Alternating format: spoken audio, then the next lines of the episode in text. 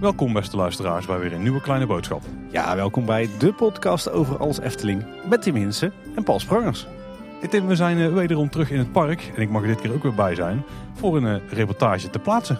Ja, een reportage in de winter Efteling. Ja, het is vandaag 1 april en het heeft eh, van Rempel gesneeuwd. Was een paar dagen was het enorm warm eh, rondom, eh, ja gewoon in het hele land natuurlijk, niet alleen in Kaatsheuvel. En er ligt gewoon vandaag een pak sneeuw. Ja, en wij mogen naar de Efteling komen om te gaan kijken bij het grote onderhoud aan de pagode. Ja, inderdaad, een prachtig buitenkansje. Eh, we hebben natuurlijk een tijdje geleden al een mooi blogbericht over gelezen. Wat er allemaal gebeurt bij de pagode tijdens het grote onderhoud de afgelopen en de komende maanden. Maar vandaag krijgen we een exclusief kijkje achter de schermen bij dat groot onderhoudsproject. En we gaan het allemaal proberen zo goed mogelijk te omschrijven voor jullie. Want ja, je zegt al mooi kijken Tim, want wij kunnen het allemaal zien en inspecteren. Maar de luisteraars die moeten het natuurlijk doen met een stukje audio. Dus we gaan het proberen het allemaal goed uit te leggen wat we zien. Maar wel heel tof dat we hier achter de schermen mogen kijken. En dat doen we niet alleen. Dat doen we met een paar mensen die zich eh, intensief bezighouden met de planning en de uitvoering van het project. Daar zitten we dadelijk mee aan tafel. Maar ik ben heel benieuwd wat we gaan zien Tim. Want het gaat nogal om eh, een lomp apparaat wat er in onderhoud is. Ja, en een heel bijzonder apparaat. Hè. De pagode natuurlijk in 1987 eh, geopend. Eh, een attractie van eh, het Zwitserse Intamin. Het zogenaamde Flying Island. Best een uniek ding, want ik geloof dat er ooit vier zijn gebouwd op de wereld. Eentje in Amerika, in Cypress Gardens. Eentje in Gardaland. Eentje in een park in Japan. En natuurlijk de pagode in de Efteling.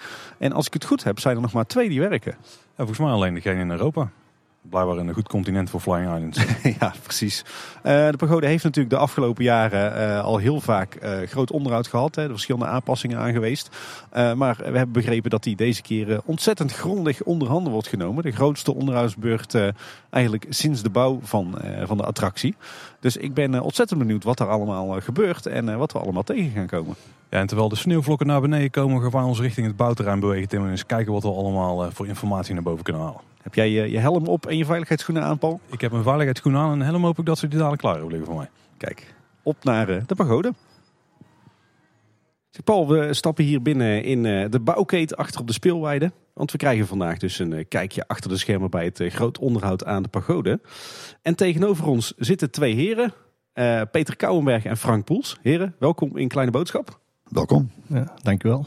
Zeg, voordat jullie ons alles mogen gaan vertellen over de pagode en het eh, groot onderhoud eh, dat hier nu bezig is, is het eh, wel leuk als onze luisteraars net wat meer van jullie weten. Dus eh, zouden jullie eens wat meer over jezelf kunnen vertellen? Wie ben je? Wat doe je bij de Efteling? En eh, hoe zag een beetje je loopbaan bij de Efteling eh, eruit? Ik ben eh, Peter Kouwenberg. Ik ben eh, momenteel strategisch projectleider bij de Efteling. Ik ben hier in 2001 begonnen als eh, werkvoorbereider. Toen was eh, de bedoeling dat we multidisciplinair onderhoud zouden gaan oppakken. Voorheen was het eh, per discipline. Dus de bouwdienst had een eigen werkvoorbereider, de WOD, de TDE. Dus daar ben ik eigenlijk begonnen. Dat heb ik vijf jaar gedaan. Toen ben ik eh, projectleider geworden. Mijn eerste grote project was eh Winter Efteling. Dat heb ik uiteindelijk acht jaar gedaan. Vervolgens ben ik nieuwbouw gaan doen. Heb ik Station de Oost heb ik gebouwd. Ik heb Pinocchio gebouwd. Maar mijn hart en ja, de meeste werkzaamheden die ik doe zijn eh, de grote onderhoudsklussen. Dus de grote modificaties. En eh een ervan is de Vliegende Hollander. Is eh, zo'n attractie. Die, wij hebben daar natuurlijk in het begin wel problemen gehad. Die hebben we helemaal geoptimaliseerd dat die nu dus goed draait. En daar hebben we een onderhoudsplan aan gekoppeld. Dat we elk jaar op de juiste manier onderhoud doen. Maar zo is ook de pagode, Droomvlucht, dat is, uh, zijn een beetje de attracties. En sinds een jaar ben ik eh, strategisch projectleider. Dus dan pakken we echt de echte grote projecten nu. Kijk. En Frank? Ja, ook al een eh, lange tijd werkzaam op de Efteling, bijna 29 jaar. Eh, in ieder geval al heel veel disciplines binnen de techniek van Efteling eh, vervuld. Begonnen in de werkplaats, storingsdienst, eh veiligheidskunde, inspectie eh, gedaan. Asset manager en vanaf de bouw eh Python, eh, de grotere projecten. En ook de kleinere projecten die ik er tussendoor doe. Dus Max en Moritz, momenteel eh, de pagode dan, eh entree, waar we drukwerk, eh, met, ja, druk bezig zijn. Dus eh, eigenlijk eh, onze handen vol, in ieder geval om eh, de, de projecten die we dus nu eh, in uitvoering hebben, ook in ieder geval eh, buiten goed eh, te laten verlopen. En een stuk uitvoering eh, neem ik voor mijn rekening. En probeer daar in ieder geval ook eh, ja, de juiste invulling aan te geven. Zowel vanuit Efteling, maar ook alle onderaannemers die hier werkzaam zijn. Ja, ja, en als uitvoerder doe je eigenlijk een beetje hetzelfde als Henk Schelkes. Hè. Dat is natuurlijk al een bekende naam in de, de fanwereld, zo gezegd. Maar we zien jou ook steeds vaker voorbij komen in allerlei making-ofs. Volgens mij bij uh, de making-of van de wereld van Simbad uh, zien we Ja, in ieder geval het, zelf vanuit vanaf de, de bouw Python ook in ieder geval meer de uitvoering mee gaan doen. Uh, Henk heeft het tot die tijd heel veel zelfstandig gedaan, alleen gedaan. Alleen ja, we gaan als Efteling steeds vaker projecten oppakken. Meer projecten, grotere projecten. En dat is voor één persoon niet te doen. Dus uh, sindsdien doen we het met z'n tweeën. Dus daar uh, geven we samen invulling aan. Kijk, kijk, en voor Peter is het de eerste keer in een kleine boodschap. Voor jou, Frank, de tweede keer. Want wij hebben jou al een keer eerder aan de tand gevoeld bij het groot onderhoud aan de Fata Morgana. Ja, ja, ja, die al, ja al eerder ja, bij de Python inderdaad. Uh, Fata Morgana. dus dat dus uh, driemaal scheepsrecht, dus derde keer. Vaste gast in Kleine Boodschap. Hey, uh, genoeg over jullie. Uh, we zijn hier natuurlijk om te praten en straks ook te kijken naar het onderhoud, groot onderhoud van de pagode. kunnen jullie eens uitleggen um, waarom was er groot onderhoud nodig? Nou, groot onderhoud doen we sowieso elke vijf jaar. Vijf jaar geleden hebben wij de hoofdcilinders van de arm vervangen. daarbij hebben we een aantal inspecties gedaan en er kwam uit een, uh, een meting bij de lagers uh, qua vet kwam er naar voren dat daar uh, ijzermetaal en water in zat. Daar hebben we toen een plan voor geschreven. Um, dat is nu uitgevoerd. Dat wil zeggen dat de hoofdlagers van de arm hebben moeten vervangen. Daar hebben we de OEM'er, in dit geval Intermin, bij benaderd. Maar die vonden toch wel een heel spannende klus. Die hadden het zelf nog nooit gedaan.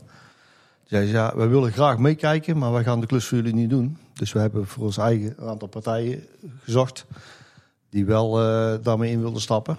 Daar zijn we anderhalf jaar mee bezig geweest om daar goed voor te bereiden. Uiteindelijk hebben we die klus met uh, Verolmen en met Mammoet gedaan. Ook voor Mammoet was het een speciale klus. Die hadden nooit een, echt een mooie hijsklus gedaan bij de Efteling. Dus dat was ook wel weer, weer leuk. En Verolmen is eigenlijk in beeld gekomen dat de projectleider destijds toen bij Doedijns werkte, die wilde de, deze klus wel mee oppakken. En die heeft toen, uh, toen hij is overgegaan naar een ander bedrijf, die zegt van, nou, die lagers, wij hebben het toen geconstateerd, dat kunnen wij voor jullie. Dus wij gaan daarmee uh, mee in zee. En zodoende hebben we nu de afgelopen drie weken de complete lagers van uh, de hoofdarm vervangen. Best bijzonder ook, want Pagode is denk ik het langst, de langst draaiende Flying Island van Intamin ter wereld op dit moment zijn er volgens mij twee. Ja, twee in ieder geval. Dus twee de, de, in deze vorm, dus met een uh, betonnen contragewicht. De nieuwe die gebouwd worden zijn al met staalplaten. Die hebben ook geen uh, contraput meer. Uh, dus ja, wij zijn wel een van de laatste. En dus ook deze draait nu uit mijn hoofd vanaf 87. Dus alweer 35 jaar. En in een OEM'er die onderhoudt een attractie meestal 30 jaar en dan. Zeggen ze, van ja, nou, nou Wordt tijd voor iets nieuws. Dan, uh, Wordt tijd voor iets nieuws, ja, inderdaad. ja. Alleen dat is iets wat Efteling dus niet wil natuurlijk. Want wij willen eigenlijk uh, alles uh, ja, lengte van jaren blijven behouden. Dat je als kind terugkomt, als ouder, als grootouder. En dan kun je opa nog zeggen van, kijk, hier ben ik ook niet in geweest. Dus dat is best wel een dingetje waar wij ook steeds vaker tegenaan lopen. Dat wij dus uh, ja, attracties grondig onder handen moeten nemen. Omdat ze dus eigenlijk ja, voor alle eeuwigheid moeten blijven bestaan. In hoeverre is de leverancier dan nog betrokken bij het onderhoud? Want in principe doen ze het dus niet meer. Is het dan vooral iets wat jullie zelf helemaal uitzoeken? Nee, we hebben dan wel contact met de bouwer. En uh, alleen ja, vaak zeggen die dan van, is door de jaren heen zoveel aan een attractie gedaan, uh, mogelijk gewijzigd. Uh, dat ze zeggen van ja, dan is het niet helemaal meer onze eigen attractie. En dan doen we het vaak als Efteling zelf oppakken met diverse onderleveranciers. En kijken dan wat, we dan, wat er mogelijk is en hoe wij daar zelf invullingen kunnen geven. Dus het is wel een actueel onderwerp op dit moment. Want de, de afgelopen jaren zijn natuurlijk heel veel, jaren 80 attracties in de Efteling onder handen genomen. Hè. Een aantal attracties, hè, daar is voor gekozen om die te laten staan. Om daar flink in te investeren. Denk bijvoorbeeld aan een Python, waar eigenlijk zo'n beetje de hele baan is, is vernieuwd. Maar er zijn ook aardig wat attracties waarvan uiteindelijk is gezegd... nou, daar, die kunnen we niet behouden omdat bijvoorbeeld de leverancier het onderhoud niet meer ondersteunt. Omdat er geen onderdelen meer te krijgen zijn. Denk aan een Bob, denk aan een Polka Marina... Flying Island is natuurlijk ook best wel een spannend uh, attractietype. Hè? Ik geloof dat er ooit vier zijn gebouwd en dat er nog maar twee in werking zijn. Is die afweging hier ook gemaakt van uh, pagode uh, wel of niet einde levensduur? Gaan we hem wel of niet behouden? Gaan we er wel of niet nog in investeren? Ja, die afweging is gemaakt. We hebben ook een business case gemaakt.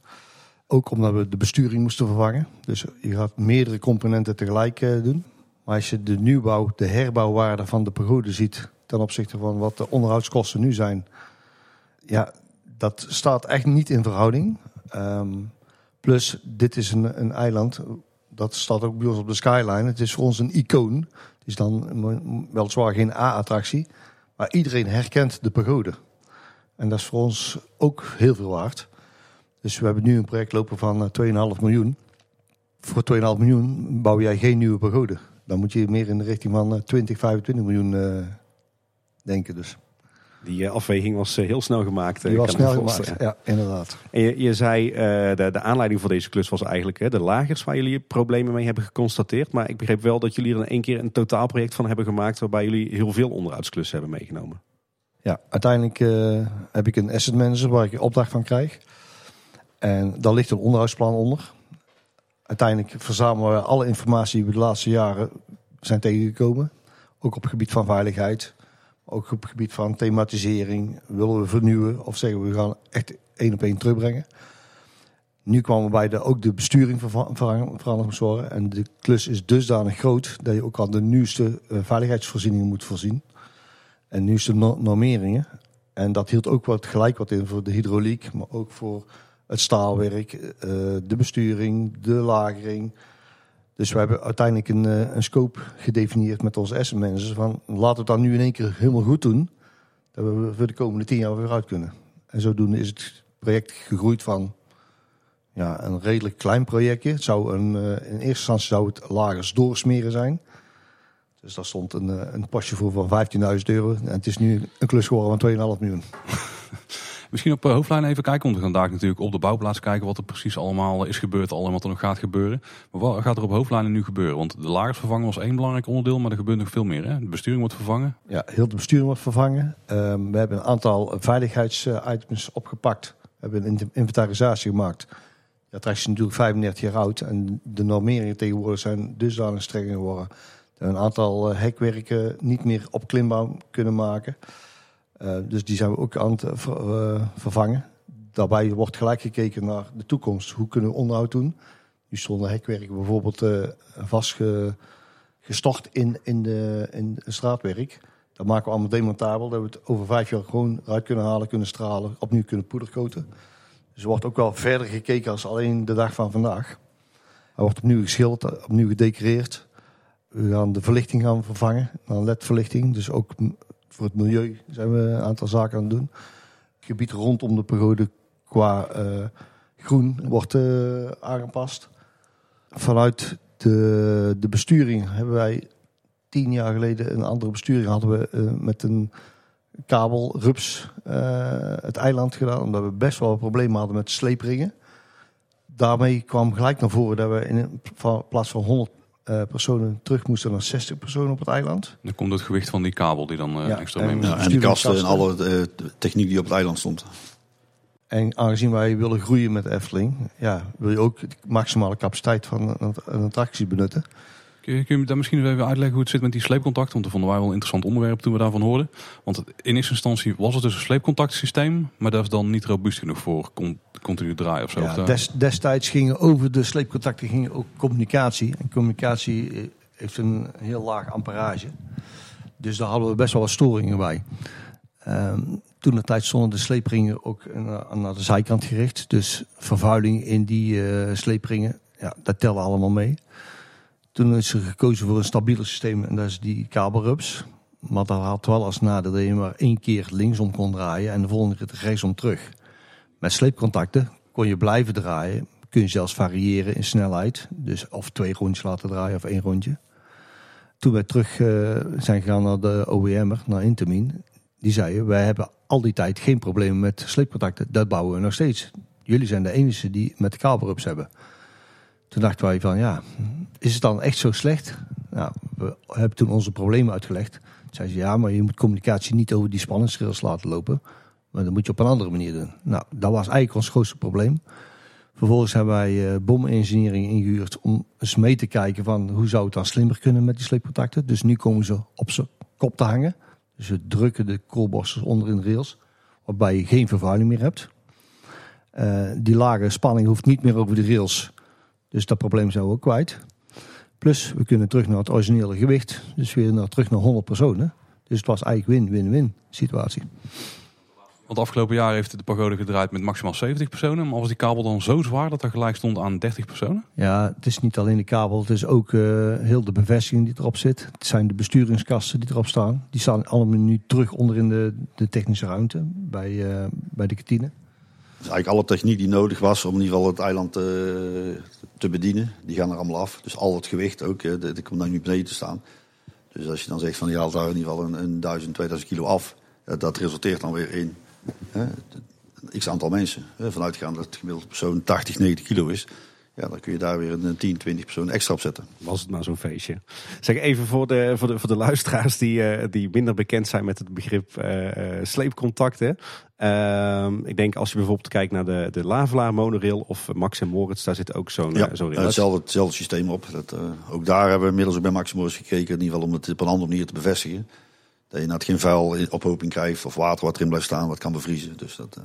ja, dat is eigenlijk de methode om elektriciteit over te brengen als je niet kan werken met een stekker en een stopcontact. Klopt, ja, helemaal waar. Kijk, dan denk ik dat onze luisteraars uh, inmiddels begrijpen waar we het over hebben. Anders hebben we een hele lange verlengkabel nodig. Ja.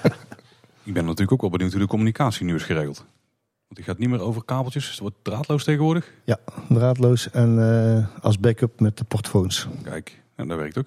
Hey, jullie zijn uh, behoorlijk lang bezig met deze klus. Hè? Gestart uh, volgens mij in februari en het duurt tot begin juli. Uh, kunnen jullie eens uitleggen waarom duurt deze klus zo lang? Nou ja, er moet heel veel gebeuren natuurlijk. Van, we zijn begonnen met het, het liften van, van de complete eiland met Tempel. Nou, dan heb je al een behoorlijke tijd nodig om in ieder geval al het materieel op te bouwen. dan heb je in ieder geval het eiland wat gelicht moet worden, het lager wat vervangen moet gedaan worden. Met je het liften bent, kan er niemand in de arm werken. Want nou, ja, met dat we het hijsen zijn, ja, dan kan er niemand in de arm zitten. Dus dan moet je daarbij gaan schuiven. Dus het torentje moet eraf, het moet geschilderd worden. Polyesterwerk moet uh, aangepakt worden. Er zijn heel veel activiteiten die ook een doorlooptijd hebben. Het moet drogen. in ieder geval een aantal dingen moeten dus achter elkaar. Omdat we dus ook de veiligheid in acht moeten nemen. En al die dingen samen dan ja, resulteren dus in een behoorlijk lange doorlooptijd. Ja, niet alles kan te, tegelijkertijd gebeuren. Dus ja. vandaar deze lange periode. Ja, en er is ook heel bewust gekozen om niet alles tegelijk te doen. Uh, met name de lagering en uh, de hydrauliek hebben uit elkaar getrokken. Want stel dat je op gaat starten en je hebt een probleem. Wil je niet hebben dat de ene naar de ander wijst van ja, je hebt het lager gedaan, dus het ligt aan jou. En de ander zegt nee, het ligt aan de cilinders. Dus we hebben heel bewust gezegd van we pakken eerst de ene, die ronden we af. Uh, daar zorgen we dat we weer terug bij origineel zijn en dan gaat de volgende klus lopen. Dus iedere keer na het, na het afsluiten van een groot onderdeel wordt de pagode een paar keer op en neer ook gedaan om gewoon te kijken of hij nog werkt zoals je had verwacht. Bij, alleen bij de lagen wisselen is dat gedaan. en toen is hij weer vastgelegd beneden, want zijn mensen op het eiland bezig. Dus je wilt niet hebben dat het, eiland omhoog gaat. Dus qua veiligheid hebben we één keer een moment gehad, mocht, moest iedereen van de pagode af. Toen hebben we hem omhoog gestuurd om te kijken of het weer als origineel was en of het werkte. Dat was goed. Maar een duurtest die komt pas uh, vanaf week 19. Dus dan zijn ook de schilders klaar. Dan is het torentje teruggezet. Want je moet uiteindelijk weer met het totale gewicht van het eiland op en neer gaan natuurlijk. Ja, natuurlijk. natuurlijk ja. Dan kan ik me voorstellen, zeker omdat Intermin niet direct betrokken is, dat je, uh, dat je niet gewoon zo'n reserveas hebt liggen of zo. Want dat is een vrij specialistisch onderdeel. Of kun je die gewoon wel ook voor andere toepassingen? De reserveonderdelen van een, een tempel van 87 liggen niet op de plank. Dus alles wat we dus dan uh, een lager, die zal, dat, is, dat kan nog relatief standaard zijn. Maar in principe alle andere onderdelen die zullen dus gemaakt moeten worden. Want ja, er zijn er dus nu nog twee operationeel in de wereld. Ja, daar zijn geen uh, reserveonderdelen van. Kan ik me voorstellen, ja. Lastig om dan daar nog aan te komen? Nee, heb je dus alles. Ja, in ieder geval, bijna alles is na te maken. Dus met dat je de juiste tekeningen hebt, ja, dan kun je assen laten draaien, beugels laten maken, hekwerken, dat soort dingetjes. Dus die zijn allemaal na te maken. Dus alleen, het, uh, het moet dan wel uh, op, op aanvraag gemaakt worden. Uh, lagers, lagers was bijvoorbeeld een probleem qua levering. Dus die hebben we ook al uh, zeven maanden van tevoren besteld. En die lagen hier op, op locatie. Op het moment dat je het lager van de as aftrekt, en als je zou een probleem creëren door een braam of iets, ja, dan moet je en de, de, de as gaan uh, modificeren. Maar ook het lager. Dus op het laatste moment, op het moment dat wij de meting hebben gedaan, wat is de diameter van het lager en welke passingsmaat is het, dan pas kun je de binnenkant van het lager op de juiste maat gaan slijpen. Dus er lopen wel uh, backup scenario's in geval dat er iets anders loopt dan dat je voorziet. Wat ik wel interessant vind, ik denk dat veel uh, attractieparken zo'n klus als deze lekker veilig buiten de deur leggen en zeggen over een half jaar zien we wel of het klaar is. Maar volgens mij is dit project best wel intern gedraaid, toch? Of loopt intern? Nou, er zijn niet heel veel partijen die zo'n klus helemaal aan willen nemen. Want omdat er dus heel veel zaken bij zijn. een stukje decor, techniek, eisen van de Efteling die willen. Ja, die, die krijg je niet helemaal één op één buiten de deur gelegd. Dus daar zien we ook vaak dat we het zelf dan de, de regie in handen houden. We zoeken er wel de partijen erbij die ons daarin kunnen faciliteren. Maar, maar zo'n compleet buiten de deur leggen, ja, dat, is, ja, ik ga niet zeggen onmogelijk, maar in ieder geval, het uh, gaat er heel moeilijk worden. Maar dan moet je als Efteling-organisatie dus ook heel veel technische expertise in eigen huis hebben eigenlijk. Nou, in ieder geval, we, door de jaren heen hebben we natuurlijk heel veel expertise opgebouwd. En uh, we weten in principe wat we willen. En ja, daar kunnen we in ieder geval eh, zelf kunnen voldoende invulling aan geven. En daar waar we eigenlijk tekort komen op dat gebied, dan huren we de juiste partijen in. Is het nou ook zo omdat jullie zeiden van er, we verbouwen zoveel aan de pagode dat je ook aan allerlei nieuwe normen moet voldoen? Betekent dat dat straks de pagode aan het eind van het onderhoud ook opnieuw gekeurd, gecertificeerd moet worden door bijvoorbeeld de TUF? Ja, sowieso. In ieder geval iedere attractie die we dus onder handen nemen en die verbouwd wordt, die moet dan opnieuw gekeurd worden. Want zonder dat moet ook iedere attractie dus jaarlijks gekeurd worden. De kleinere kunnen dan iedere twee jaar gedaan worden. Maar als we dus klussen doen met deze omvang, ja, dan moet een attractie compleet uh, gekeurd worden voordat het in gebruik genomen kan worden. Ja, jullie zeiden ook al, jullie nemen Intamin mee in het, uh, in het hele proces. Ik wijs naar de wand hier in de keten, maar dat komt omdat hier de, de lean planning hangt. Nemen jullie ook de TUF mee in dat hele proces? Ja, er is een uh, gesprek geweest met TUF. sowieso omdat wij de besturing hebben helemaal bij een onderaannemer van Intamin laten bouwen. Inotec. Inotec laat de, de hele besturing afnemen door TUF Zuid. Uh, vervolgens die afname wordt overgenomen door TUF die hier de keuring uh, afneemt bij ons.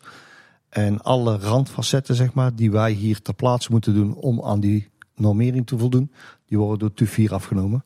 Uiteindelijk krijgen we in week 21 hebben wij een, een hercertificering zeg maar, met TUF. En dan worden hier alle testen gedraaid of alles weer voldoet zoals ja, het hoort te zijn.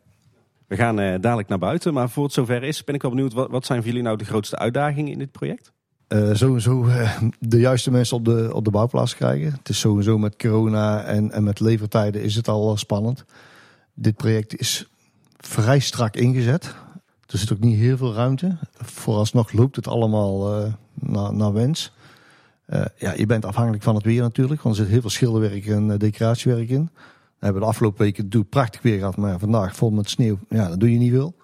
Dus je valt al gauw ja, een dag of een paar dagen uit. Ja, het loopt hier toch 16 man op de bouw. Er zijn 16 uh, eh, mensen die acht uur niet werken. Ja, die moet je ergens weer inhalen. Dus daar zit wel een uitdaging. En uh, de grootste uitdaging die we hebben is denk ik omdat alles is los geweest. Zowel de hydrauliek, de pneumatiek, de uh, mechanisch zijn een aantal zaken. Alle bedrading is eruit gegaan. Het moet allemaal opnieuw uh, eh, IO-checks noemen ze dat. Dus ze gaan alles controleren of het weer zit aangesloten zoals het hoort. Ja, daar hebben we ook best wel een lange commissioningperiode voor. Uh, van zes weken. Waarbij ook Intermin hier aanwezig zal, zal zijn met en mensen van Hagenboet. Dat zijn de hydraulische partijen van Intermin om te controleren van al wat wij gedaan hebben, of het ook werkelijk is gedaan zoals hun het uh, hebben geïngineerd. Ja, daar zit, daar zit wel een uitdaging. Er zijn ook mensen die gaan ook zes dagen in de week werken, omdat het anders gewoon niet geregeld krijgen. Ja, dat worden lange dagen. Het is alleen maar testdraaien, checken, checken, checken. In vergelijking met andere grote onderhoudsklussen binnen de Efteling, bijvoorbeeld de Fata Morgana die een paar jaar geleden is aangepakt, was dan een groot verschil met deze klus? Of maakt deze klus uniek? Het, uh, het risico waar we hier lopen um, qua veiligheid, denk ik. Het is uh, vrij complex. Het zijn geen standaard partijen die dit elke dag doen. Het is voor heel veel mensen ook een eenmalige klus. Want binnen nu en 30 jaar gaan we weer geen lagers doen. De klus is nog nooit gedaan en er komen heel veel facetten tegelijk bij elkaar. En uh, ja, elke veiligheidsitem wordt nu aangeraakt omdat we aan die nieuwe normering moeten voldoen. Ja, je zit natuurlijk met een oude installatie, die moet wel geüpgrade worden tot de huidige stand der techniek. Ja, eigenlijk alle facetten van de attractie worden nu weer onder handen genomen. Hydrauliek, besturing, inderdaad, alles. Dat maakt het zo complex natuurlijk. Want het enige wat we dus ja, niet aanpakken is de arm zelf en het betonblokje. Ja, die gaan we dan wel schilderen. Maar in ieder geval al het andere, dat wordt wel gepakt. En uiteindelijk van, eh, wil je dan direct weer een compleet gecertificeerde attractie hebben... moet al die zaken weer op elkaar afgestemd zijn. En ja, daar gaat dan uh, tijd in zitten. En lopen misschien ook wel wat uitdagingen. Die we tegenkomen. Dus er is zoveel gedaan. Het hoeft maar ergens een, een draadje anders te lopen dan gepland. En dan kan het al uh, niet het gewenste effect hebben. Dus daar gaat wel de grootste uitdaging worden, in ieder geval uh, richting het einde. Dat we in ieder geval uh, alles weer dusdanig op de rit krijgen. Dat we het papiertje van TUF krijgen. En dat we weer veilig in ieder geval onze mensen van het park kunnen laten genieten. Maar ik denk als deze klus eh, succesvol is afgerond, dat eh, jullie als Efteling specialist zijn in het revitaliseren van uh, Flying Islands van Intamin. Dus kunnen jullie dan vervolgens bellen als er ergens nog... Nou ja, de anderen die nog in operationeel is, die kunnen we dan adviseren. Dan, ja, we zijn met z'n tweeën, dus dat, we weten hoe het moet. Peter, jij verklapte net al, het sneeuwt op dit moment buiten. Het is 1 april 2022, midden in de lente en we hebben gewoon een pak sneeuw liggen hier. Maar we gaan toch de sneeuw trotseren en eens buiten kijken hoe het er allemaal naartoe gaat. Ja, prima. Super. Zo Paul, we staan inmiddels buiten. De temperatuur is eh, rond het vriespunt. Er vallen nog een paar vlokjes sneeuw. Uh, maar we staan uh, ja, voor ons op een bijzondere plek, want hier zijn we nog nooit geweest. We staan bij het enorme contragewicht van de pagode. En niet zonder reden, want hier zit natuurlijk ook de as en de lagers waar we het net over hebben gehad. heren, kunnen jullie hier eens vertellen wat hier de afgelopen weken gebeurd is? Nou, hier heeft nu al de, de hefinstallatie gestaan, in ieder geval om het, het contragewicht en de armen te lichten om eh, het lager te wisselen. Die moet je even uitleggen, Frank. Dus we hebben hier uh, de, de grond, het dijkje wat er lag, hebben we weggegraven. Hebben we in ieder geval uh, de grond, uh, heel grond aangebracht, verdicht. We hebben in ieder geval een drechtlijnschot opgelegd. om daar in ieder geval de, de ijsinstallatie van Mammoet op te bouwen. Dus zijn we hier begonnen om in ieder geval het, de hefinstallatie te, te plaatsen. Het, het, eiland te fixeren. Om in ieder, geval, in ieder geval een goede start te maken. Om uiteindelijk in ieder geval het, het lager te kunnen wisselen. Ja, wat jullie volgens mij gedaan hebben, als ik het net goed op de werktekening zag, is dat jullie eigenlijk de, de arm van de pagode hebben vastgepakt. Net achter de as, of eigenlijk tussen de as en het contragewicht. En daar hebben jullie als het ware opgevijzeld. Uh, dus je hebt hem eigenlijk stukje bij beetje opgetild, zodat de as uit het lager kwam. Ja, we hebben in ieder geval, in ieder geval, de, de, in ieder geval net tussen het lager en het contragewicht opgepakt. Op vier punten hebben we in ieder geval, zijn we gaan liften iedere keer een stukje omhoog. Die alweer uh, opvullen. En weer een stukje omhoog. Uiteindelijk een ruim een meter uh, hebben omhoog getild. Al om ieder geval ruimte, voldoende ruimte te hebben om het lager te wisselen. Uit, uiteraard eerst de deksel gelicht. En dan in ieder geval opgelicht en dan het, het lager eraf te kunnen halen. Ja, want even voor de, de, de, luisteraars die minder technisch onderlegd zijn. De as is zeg maar de buis waar de pagode uh, op draait. Eigenlijk het scharnierpunt waardoor je omhoog komt. Uh, en de lager is zeg maar de constructie waar die as in ligt, zodat die heel soepeltjes uh, kan draaien. Ja, die, zit op een vaste wereld. In ieder geval, uh, die as loopt daar doorheen. En het, de arm en het contragewicht die scharnieren om dat punt. En, en waarom gaat zo'n lager nou kapot? Of waarom moet zo'n lager nou vervangen worden? Nou, een lager die gaat een aantal omwentelingen mee. Um, bij de pagode hier is het zo dat die natuurlijk niet helemaal rondgaat. Het is maar een gedeelte van het lager wat de hele tijd belast wordt. Um, daar staat een behoorlijke vlaktedruk op. Uh, op het moment dat je niet de juiste smering hebt, ga je ijzer op ijzer krijgen. Dan kan hij door een laag heen zakken, waardoor jij metaaldeeltjes kunt krijgen in het vet. En daardoor uh, gaat hij eigenlijk walsen, noemen ze dat.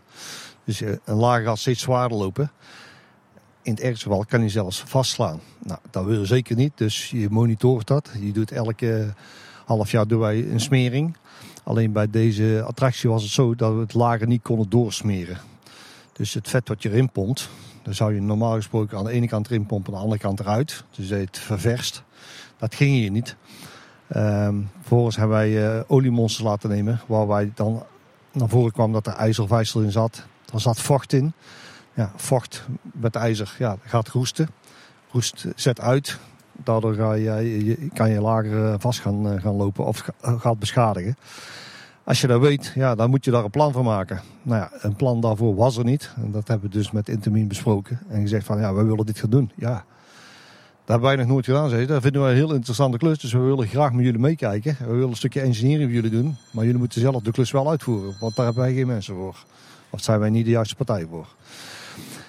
Vervolgens hebben wij dat uh, plan dus uh, omarmd en we hebben dat plan ook zo uitgevoerd. Um, maar toen we bezig waren, toen dachten we ja, maar spul staat er 30 jaar. Alle lassen zullen ook een keer gecontroleerd moeten worden.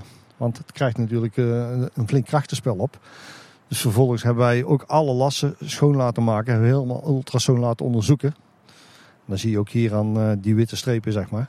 Die zitten weer opnieuw in de primer.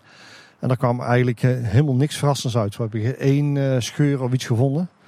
En dat was eigenlijk meer als ja, ter verificatie voor onszelf. Van, doen we de juiste dingen, vergeten we niks. Want nu je zo'n eh, lager eraf hebt liggen en die lagerkap eraf hebt liggen... en er zou een scheur in zitten, dan kun je hem gelijk repareren. Nou klinkt het heel makkelijk hè, en lager er even afhalen en zo. We hebben binnen net een tekening gezien van de constructie die jullie hier hebben opgebouwd met het takelsysteem om het zo maar uit te leggen. En op zo'n tekeningetje wat dan wel vrij groot was afgedrukt, dan ziet dat er, uh, ja, daar ziet dat er wel indrukwekkend uit. Maar nu ik hier buiten sta en me besef hoe groot die constructie al niet geweest had moeten zijn, dan ziet het er nog wel indrukwekkender uit. Kun je een beetje uitleggen wat, hoe die constructie eruit zag en wat die precies deed? Nou ja, in ieder geval de, de, de balken die erop lagen, die waren, behoorlijk zware jongens. gewicht exact weet ik niet, maar in ieder geval het... ja, die waren in ieder geval, ja, in ieder geval als je kijkt waar we hier nu staan, vanaf het lager tot aan de, de container die hier staat. Dus dan praat je al gauw over uh, een 20 meter, een overspanning. En dan in ieder geval ook naar de andere zijde van het contragewicht. Dus dan heb je hier een oppervlakte van al gauw 20 bij 20. In ieder geval uh, waar dan de vier uh, de vijzels hebben gestaan. En het punt waar we hier dus oppakken tussen het lager en het contragewicht. Ja, en, en in hoogte, dan zit je in ieder geval ook daar weer boven. Dus dan heb je hier een hoogte van, wat zal het zijn, 6, 7 meter. Dus dat is een, een behoorlijk ja, zware constructie geweest. Wat wel belangrijk om te melden is dat we een, een speciaal huisjuk hebben moeten laten maken. Om de arm van onder op, op te tillen. Dat is destijds bij Verolmen gemaakt. Dat is helemaal onder certificaat gelast. Uh, alleen dat blok woog al uh, 2,5 ton. En dan heb je het over een blokje waar onder een arm zit. Waar een, waarin een arm komt te hangen die in een huisconstructie in een huisconstructie nou, hangt. De huishaak zeg maar in ieder geval. Uh de gewicht heeft van een uh, klein uh, bestelbaantje. Ja, want we zien de mensen dus zich dat niet beseffen. Want ik dacht er van tevoren ook, het gaat allemaal over het ophijsen van, het la van, van in ieder geval de arm, zodat je het lager kunt vervangen. Maar dat gebeurt niet met hijskranen. Er is echt... Uh, want met vijzels, in ieder geval langzaam gaat liften. Je tilt hem op. Uiteindelijk van het... Uh, dus daar waar je normaal gaat hijsen, dan, dan kan hij vallen. Want hij ligt gewoon op vier punten. En dan langzaam til je hem, til je hem omhoog. Want jullie praten met z'n drieën dezelfde taal. Maar een vijzel, kun je uitleggen wat een vijzel doet? Eigenlijk in ieder geval een, een ja, onder een groot potkrikje, zeg maar. In ieder geval, hè. Ja, ja, een potkrikje, maar dan in een, een, veel grotere vorm. Eigenlijk gewoon in ieder geval het een, een, een, een cilinder, in ieder geval uh, met oliedruk, die je dan langzaam omhoog uh, ja, tilt. Dus je duwt eigenlijk de, de hele constructie ja, omhoog. Ja. En met hydrauliek is dat makkelijker om te doen. In ieder geval het, uh, dat kun je het veel beter sturen. Met lucht samen drukbaar. Dat gaat eigenlijk niet. Dus als je zoiets wil doen, ja, dan kun je het eigenlijk alleen maar met hydrauliek doen. En dan kun je heel makkelijk sturen, of makkelijk sturen. En dan kun je wel heel langzaam met de, de arm liften. En volgens mij was het uh, uh, ook nog best wel spannend als je zo'n uh, dat hele gevaarte optilt om daarna weer terug op dezelfde plek te leggen. Ja, sowieso. In ieder geval, kijk, in ieder geval, als je, het is best een, een behoorlijke overspanning. En als je hier zegt van je gaat hier een, een halve millimeter of een millimeter uit te gooien, dan zit je dus 40 meter verder al over enkele millimeters, zo niet centimeters te praten. Dus dat was wel heel uh, ja, belangrijk om te weten dat we dus, uh, het stuk wat omhoog ging ook weer in dezelfde richting terug konden gaan. Nou, hebben we in ieder geval ook metingen gedaan, dus vanuit voor het liften en daarna, om er zeker van te zijn dat in ieder geval de positie waar we vijf vertrokken weer exact was toen we terug, alles teruggeplaatst hebben. We zijn gestart met een nulmeting, alles met GPS. Dus we wisten op de millimeter nauwkeurig in de drie assen, de X, de Y en de Z-as hoe dat de pagode lag. Diezelfde meting hebben we gedaan toen het lager vervangen is. En uh, alles bij elkaar is hier een halve millimeter verschoven. Dat is eigenlijk bijna niks. Om het zo maar te zeggen, het eiland is aan de voorkant 4 mm opgeschoven. Ja, dan praat je over peanuts. Een haartje verschil eigenlijk. Een haartje ja. verschil, ja. ja. misschien ook goed om even uit te leggen, want dat begreep ik net uh, uit ons gesprek in, uh, in, uh, in het kantoor, is dat uiteindelijk de pagode maar aan één kant is opgelicht. Hè? Dat die aan één kant zeg maar aan de grond werd gehouden en dat jullie vooral de kant waar dus lager zit, dus ook waar het grote contragewicht zit, dat dat de plek is die omhoog is. Ja, hier bij het contragewicht zijn we gaan liften. In ieder geval het eiland zelf, de tempel, die hebben we in ieder geval op positie gehouden. Die hebben in ieder geval gefixeerd dat hij daar niet weg kon. Dus we hebben in ieder geval onder, onderstut aan de onderzijde de knik die er zit, hebben we die wel vastgezet. En aan deze kant zijn we gaan liften. Dus inderdaad ook een, uh, ja, alleen als je dus aan één kant gaat liften, bestaat er een risico hè, dat die kan gaan schuiven. En dat is eigenlijk in de praktijk uh, meegevallen. En, uh... De reden daarvan is dat de cilinders die worden gekoppeld worden in een vrijstand gezet. Op het moment dat jij in de nulpositie zit, staat er druk op die cilinders om het eiland naar beneden te houden. Op het moment dat je die cilinders gaat koppelen, dan heeft hij een free flow, zeg maar. Dan gaat hij naar zijn eh, evenwichtspunt toe. En het evenwichtspunt van de periode is op 30 graden. Dus dan zou die arm zou omhoog gaan. En door het gewicht van het contragewicht, die zakt in de put. Ja, dan heb je een periode op uh, 15 meter hoogte staan. Dat is niet de bedoeling. Dus we wilden en werkzaamheden op de tempel uitvoeren. Met name schilderwerk, decoratie en verlichting, besturing. Uh, daardoor wil je, hebben de mensen veilig werken. Dus die hebben we gekoppeld aan de betonnen bak die eronder zit. Zodat we hier aan één kant maar konden lichten. En vervolgens, eh, als je alles terug hebt gemonteerd, dan koppel je weer die cilinders. Dan kun je de balk aan de voorkant losmaken om de test te doen. En hoe hebben jullie die aan de voorkant verankerd? Want je vertelt net, er is een risico dat hij gaat schuiven. En dat hij ook gaat kantelen neem ik aan natuurlijk. Hij kan alle kanten eh, op uiteindelijk. Hoe heb je hem dan vastgezet bij het eilanddeel? Want ik neem aan dat hij daar vooral goed bevestigd was. Ja, daar hebben we een, uh, een i-balk ondergelegd van 400. Die zijn met kettingtakers aan de betonnen constructie van de put vast, vastgetakeld, zeg maar.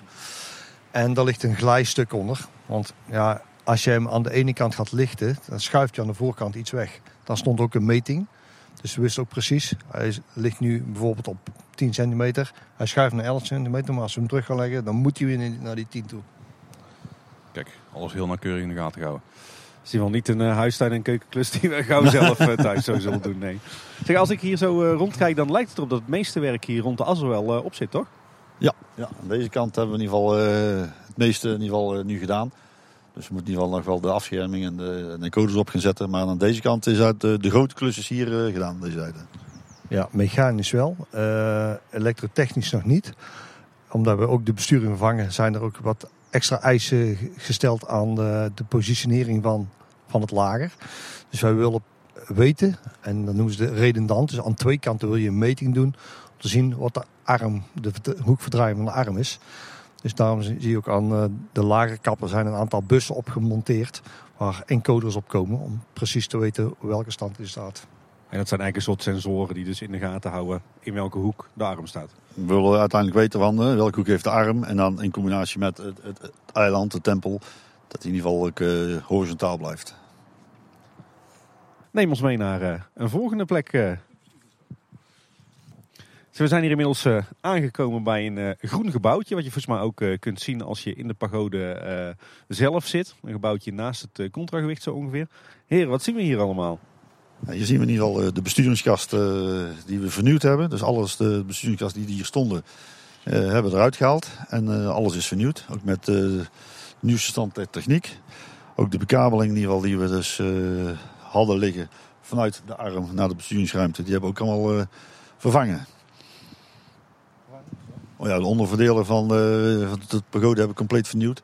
Dus eigenlijk al het elektrotechnische eh, wat er nodig is om in ieder geval het eiland te voorzien van stroom en te bedienen, dat hebben we vernieuwd.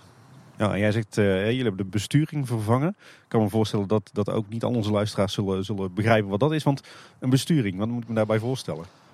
Geval, die zorgt ervoor dat datgene wat we dus willen, dat dat gedaan wordt. Hè? Dat het eiland omhoog gaat, uh, dat hij draait. Uh, dat ook alle meldingen, signaleringen van eventueel uh, zaken die dus niet goed gaan, teruggemeld worden. Dus eigenlijk in ieder geval het besturen van. Zoals je thuis ook een, een autootje, autootje bestuurt. Ook hier vanaf heb je dus een, een, de technische ruimte. Die dus zorgt dat het eiland datgene doet wat we met z'n allen willen eigenlijk eh, een enorme computer bij wijze van spreken. Ja, een hele grote computer en die, ook, eh, die dan ook voorzien wordt van de voldoende stroom. Om hier ook alle eh, installaties te laten draaien. Er staan hier aardig wat kasten naast elkaar inderdaad. Ja, in ieder geval, het, het is, de ruimte is goed gevuld. In ieder geval, dus aan de achterzijde hebben we dan de onderverdeler. En aan beide zijden hebben we in ieder geval de ruimte voorzien van kasten waar alle elektronica in zit.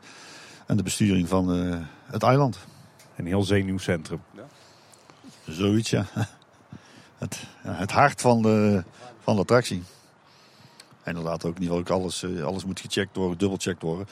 Nou ja, uiteindelijk van, in ieder kijk, als je kijkt, ook in ieder geval eh, wet en regelgeving veranderen eh, door de jaren heen. In 30 jaar tijd is er ook op dat gebied heel veel veranderd.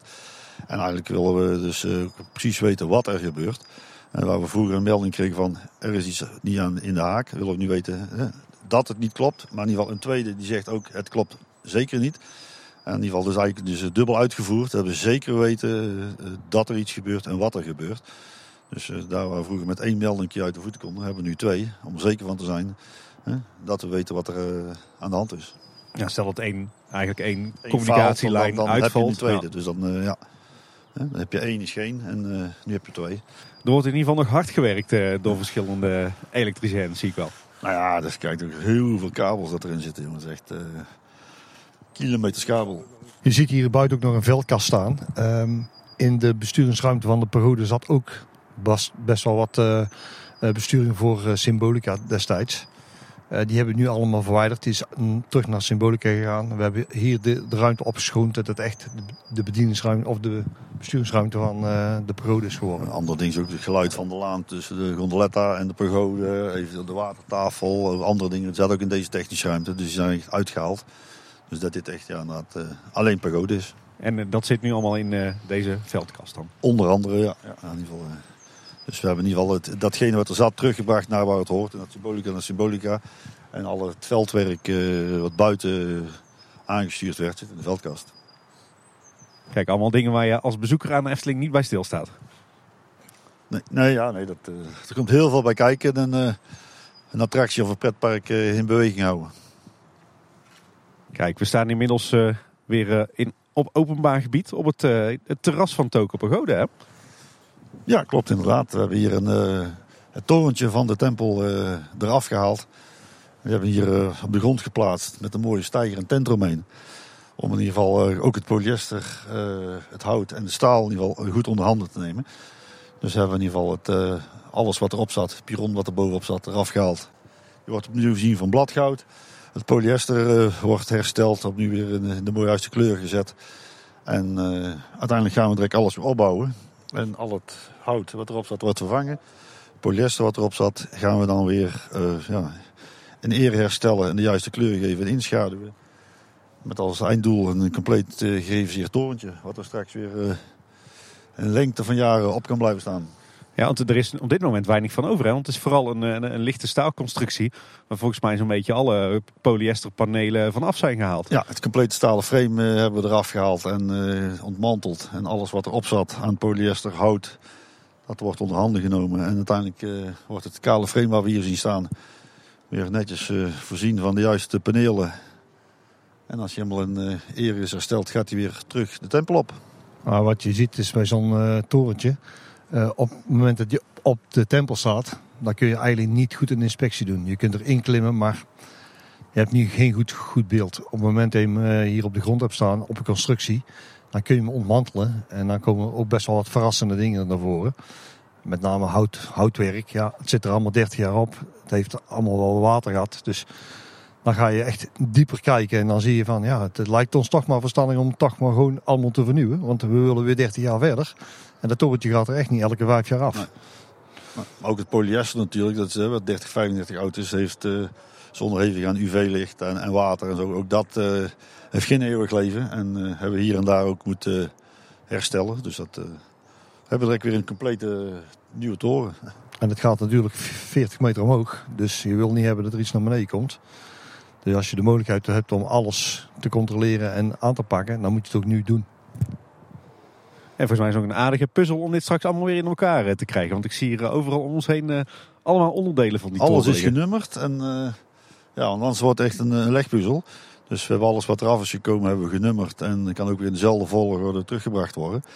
Dus ook niet van die houten delen die, die hier zien liggen, die worden allemaal vernieuwd. Hier schuiven we uiteindelijk straks weer de polyester eh, ornamenten overheen. Die opnieuw bevestigd worden. Zodat ze weer eh, de komende 10, 20, 30 jaar mee kunnen. Vandaag is wel een slechte dag om te schilderen, zie ik wel. Ja, ja het is inderdaad eh, niet de beste dag. Vandaar ook uh, op kant speert. We hebben daar in ieder geval een stijger omheen gezet en mooi in laten sielen. Zodat we dus, een, mocht er een onverhoopt wat minder weer zoals vandaag, dat we toch door kunnen gaan. Dus dat ze toch uh, droog staan om te schilderen. Wat doen jullie eigenlijk met uh, de kerstverlichting die uh, op de, de tempel zit? De verlichting die uh, op het torentje zit wordt vervangen. Die komt één op één terug. De verlichting die onder het eiland hing, die we in de winter Efteling gebruiken en in de zomer.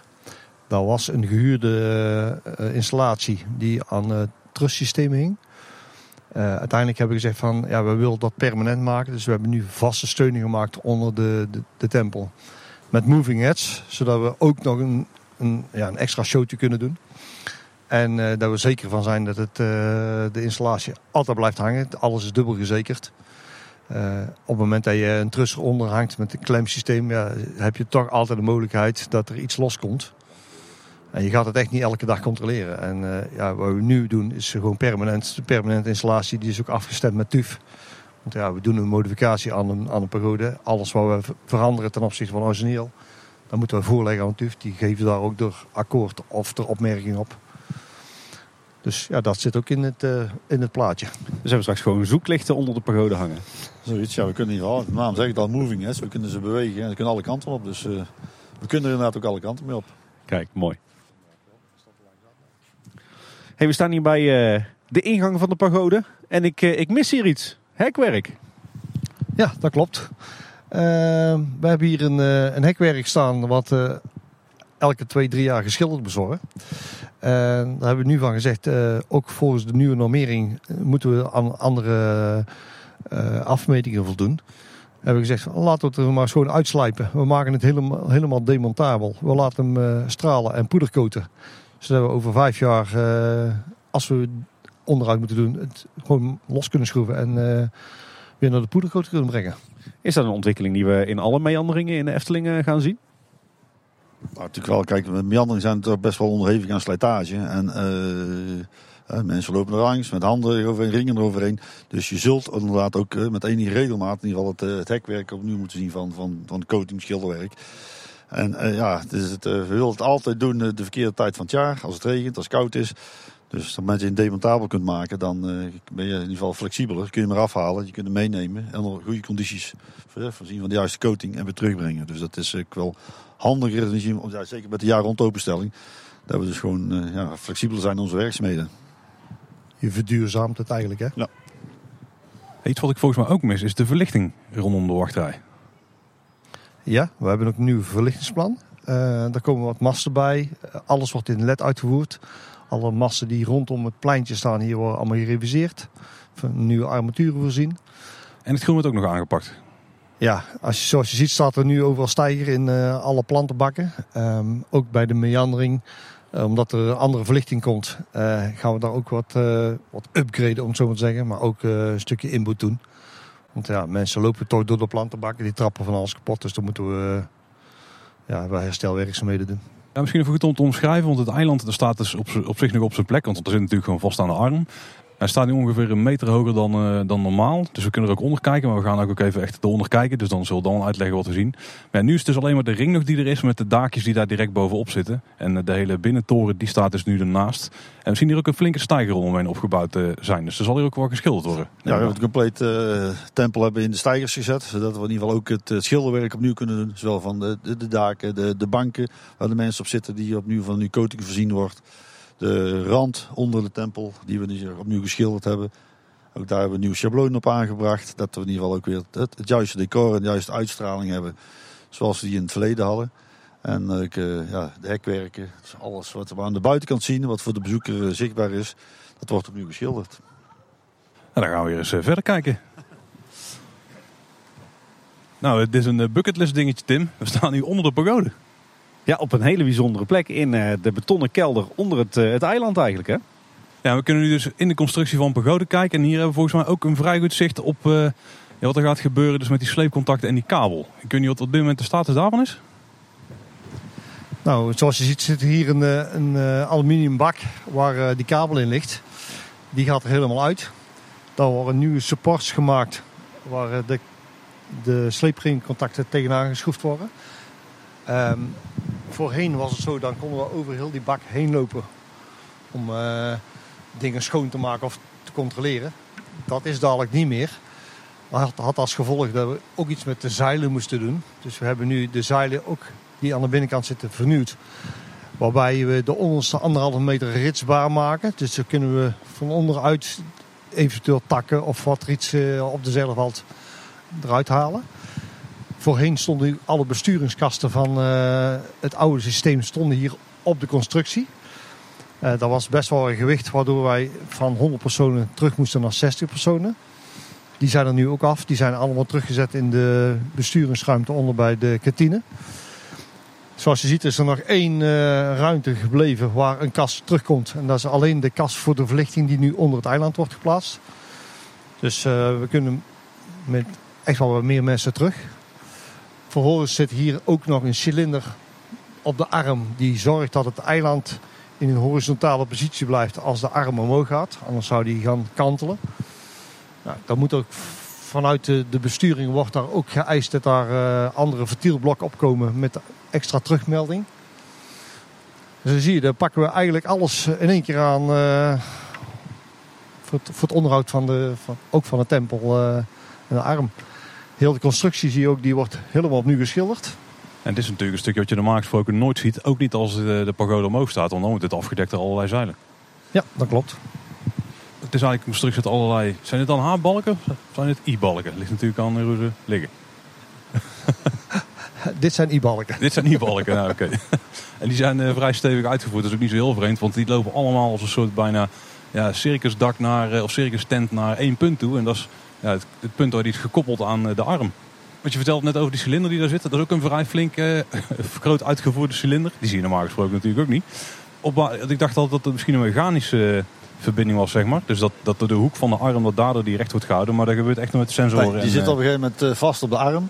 En de cilinder die gaat dus naar de, het, het, de tempel, het eiland toe. Op het moment dat de arm omhoog gaat, ja, dan verandert ook de hoek. En geval die cilinder zorgt ervoor dat hij dus uh, horizontaal blijft. En uh, ongeacht wat de hoek van de arm is, uh, blijft het eiland in een horizontale positie. Dus dat, en dan moet ook zeker weten, mocht dat niet zo zijn, dan ja, dat de bezoeker die op het eiland zit, die wil in ieder geval graag blijven staan. Dus dat moet altijd 100% horizontaal zijn. En dat wordt extra gecheckt. En als je onder boven die punt kijkt, ik dacht net, we gaan daar veel kabels naartoe. Maar het is natuurlijk precies andersom. Alle kabels komen juist van dat punt af. En die gaan zo naar de rest van de tempel toe. Ah. Ja, dat klopt. Wat je hier uh, links ook nog ziet, is een, uh, dat noemen ze een HPU. Is een uh, hydraulische unit die dus die cilinder aanstuurt. Die heeft ook onderhoud gehad. Daar zit ook een nieuwe pomp in. alle slangen worden weer vernieuwd, want daar zat een zeven jaar cyclus op. Dus je moet ook om de zoveel tijd opnieuw certificeren. En alles wordt weer gespoeld. Nieuwe, nieuwe olie gaat erin volgens een bepaalde NAS-klasse. Dus dat we zeker weten, als we dadelijk op gaan starten, dat alles weer uh, spik en span is. Is wel mooi als je hieronder in de put staat. Van buiten ziet de pagode natuurlijk uit als een prachtige Thaise tempel. Maar als je dan hieronder staat en de zeilen staan eruit, dan is het eigenlijk stelt het niet veel voor. Hè? Het is een, uh, een staalconstructie met in de buitenring met golfplaten eigenlijk de verblijfsruimte voor de bezoekers gemaakt.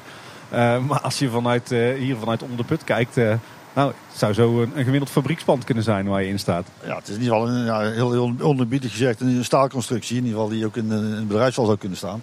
Alleen ja, dat is ook hetgene waar we dus ja, in ieder geval onze gast niet willen laten zien. Maar in ieder geval uiteindelijk wel een stukje beleving uh, laten zien. De Thaise tempel van buiten. Alleen ja, ook uh, de tempel van binnen heeft in ieder geval uh, wat nodig. En dat is deze staalconstructie geworden. Ja. Mooi hoe dat werkt voor de schermen en achter de schermen. Hey, we zien hier ook de arm van de pagode. maar die is helemaal gefixeerd hè? ja, dat is waar we het straks over hadden. Dus in ieder geval op het moment dat we dus dan de, de, de oude contragewicht en armen gingen liften. Wilden we aan de onderzijde in ieder geval de arm in positie houden.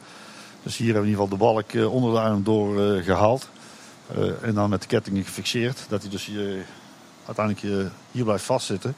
En op het moment dat we dus daar konden gaan liften, dat hij hier niet kon gaan schuiven. Uiteindelijk doet hij dat altijd. Dat is juist al verteld hadden. Alleen dat was uh, uh, half millimeter werk. Wat je nu heel duidelijk kunt zien is dat er een, een zware balk ligt. Die ligt met kettingen aan de beton. En om die balk heen zijn kettingen geslagen met balken boven op de arm. Die dan de arm weer naar beneden getrokken houden. Dat compleet gefixeerd is met uh, de vaste wereld. En hieronder zit, uh, onder die arm zitten ook nog, nog cilinders die volgens mij de arm dempen als die naar beneden komt. Hè, aan het eind ja, van de rit. Op het moment dat het eiland naar beneden komt, zijn gewoon grote buffers. Die al, uh, die, dus op het moment dat het arm naar beneden komt, dat hij dus inderdaad langzaam die al in het gat valt. Dus dat niet met een klap naar beneden komt. Het is de eindsignalering van de arm. Wordt, wordt de arm zelf ook nog, nog geschilderd? Ja, die wordt bijgewerkt op de plaats uh, waar het nodig is. Uh, daar hebben we ook destructief onderzoek aan gedaan aan de lassen.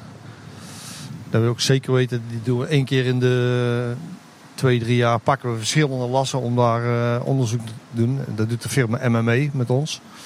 En is onze eigen veiligheidskundige is daar degene die daar de, de in heeft. Ja, de arm is natuurlijk opgebouwd uit verschillende delen. In ieder geval de, de, de lasnaden.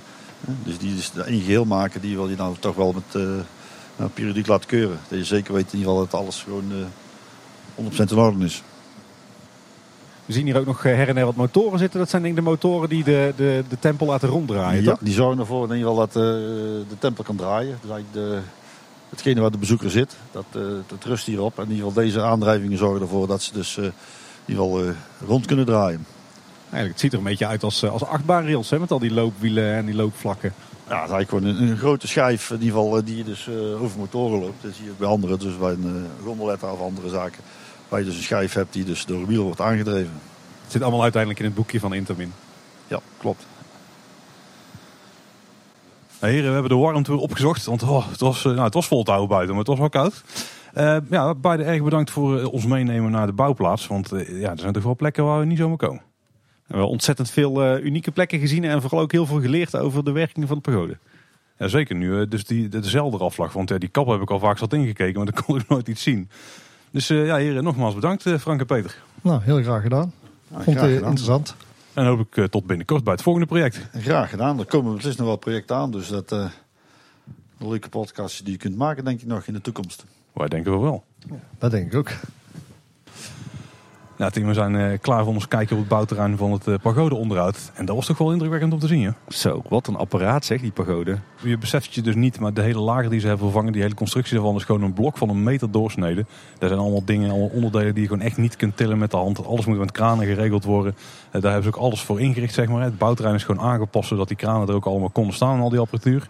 En als je dan uiteindelijk ook onder de pagode staat, en dan pas beseft hoe groot ja, eigenlijk dat, dat ding dus van onderaf is. Want als je al in de buitenring loopt, wat je normaal gesproken als bezoeker doet, dan heb je er misschien wel een idee van. Maar als je dan onder staat, is het toch vrij groot. En ik moet zeggen dat bijvoorbeeld ook het torentje wat erop staat, wat van een afstandje dan toch ja, niet super uh, groot of zo eruit ziet. Als je er dan vlak naast staat, is het best een, uh, een groot gevaarte. Ja, en je, je denkt als bezoeker wat een mooie attractie. Maar het is eigenlijk ook een enorm industrieel gevaarte. Hè? Ja, dan merk je ook als je dus achter de scherm staat bij die besturingskasten. Want ja, daar zijn van die, die kasten die wel eens op foto's staan. Ja, er knipperen er allerlei lampjes en er lopen een berg kabels van weg. Dat je denkt van, maar dit ding is toch niet veel simpeler dan dat iets wat omhoog en omlaag gaat. De cilinder die uitschuift, zeg maar, en de motortje boven wat draait. Nou, er komt wel een stuk meer bij kijken. En dat heeft natuurlijk alles te maken met de veiligheid en degelijkheid van zo'n attractie. Ja, het was in ieder geval heel bijzonder voor ons om het, het allemaal van dichtbij te zien. En om op allerlei plekken te komen waar je normaal gesproken als bezoeker natuurlijk niet komt. Alhoewel, hè, nadeel van podcast is natuurlijk dat jullie alleen uh, geluid hebben. Maar uh, wil je nou ook een kijkje achter de scherm nemen bij de pagode, dan uh, kunnen je natuurlijk van harte aanbevelen om Theme Park Science op te zoeken op YouTube. Want zij hebben ook een keer een uitgebreide rondleiding gehad bij de pagode. Ja, en dan met video, dus dan kun je het inderdaad allemaal zien. Goeie tip zeker. Nou, luisteraars, hopelijk vonden jullie het interessant. Dat was in ieder geval weer deze bonusaflevering. Wil je nou contact met ons opnemen? Dat kan op verschillende manieren. Als je naar kleineboodschap.com slash volgen gaat, dan zie je in ieder geval alle social media kanalen staan waar je te volgen zijn en waar je contact kunt opnemen. Maar je kunt ook natuurlijk naar de website zelf gaan, kleineboodschap.com. Daar staat ons contactformuliertje. En als je dan een mailtje wil sturen voor de echte lange verhalen, of misschien iets met een bijlage, info.kleineboodschap.com. En dan komen de mails netjes van ons uit. Ja, je luistert de Kleine Boodschap op verschillende manieren. Zo zijn we te vinden in alle podcast-apps. En uh, luister je ons nou in zo'n app, zorg dan dat je je zeker ook abonneert. Maar we zijn ook te vinden op Spotify. En uh, je kan natuurlijk ook Kleine Boodschap gewoon luisteren via onze website. En dat is kleineboodschap.com. Daar vind je al onze afleveringen met de bijbehorende show notes. We kunnen het altijd heel erg waarderen als je iemand anders op de hoogte brengt van Kleine Boodschap. Dat kan dus door het gewoon tegen iemand te zeggen. Maar kun je nou bij een van de podcast-apps een review achterlaten, dan is dat ook een hele mooie manier. Want zo uh, worden we ook iets makkelijker gevonden in al die podcast-apps. Paul, het viel me wel op dat er vandaag aardig wat, uh, wat items van de Kleine Boodschap bingo weer zijn aangevinkt. Ja, dat kan ik niet anders. En ik moest af en toe ook wel mijn best doen om de techneuten allemaal bij te houden die uh, voor dit soort jargon gewoon dagelijks werk is. Maar voor mij in ieder geval absoluut niet. Nee, zelfs het woordje piron kwam voorbij. Ja, we hebben hem niet eens zelf hoeven noemen. Oh, dat was in ieder geval deze bonusaflevering. Bedankt voor het luisteren. Tot de volgende keer. En houdoe. Houdoe.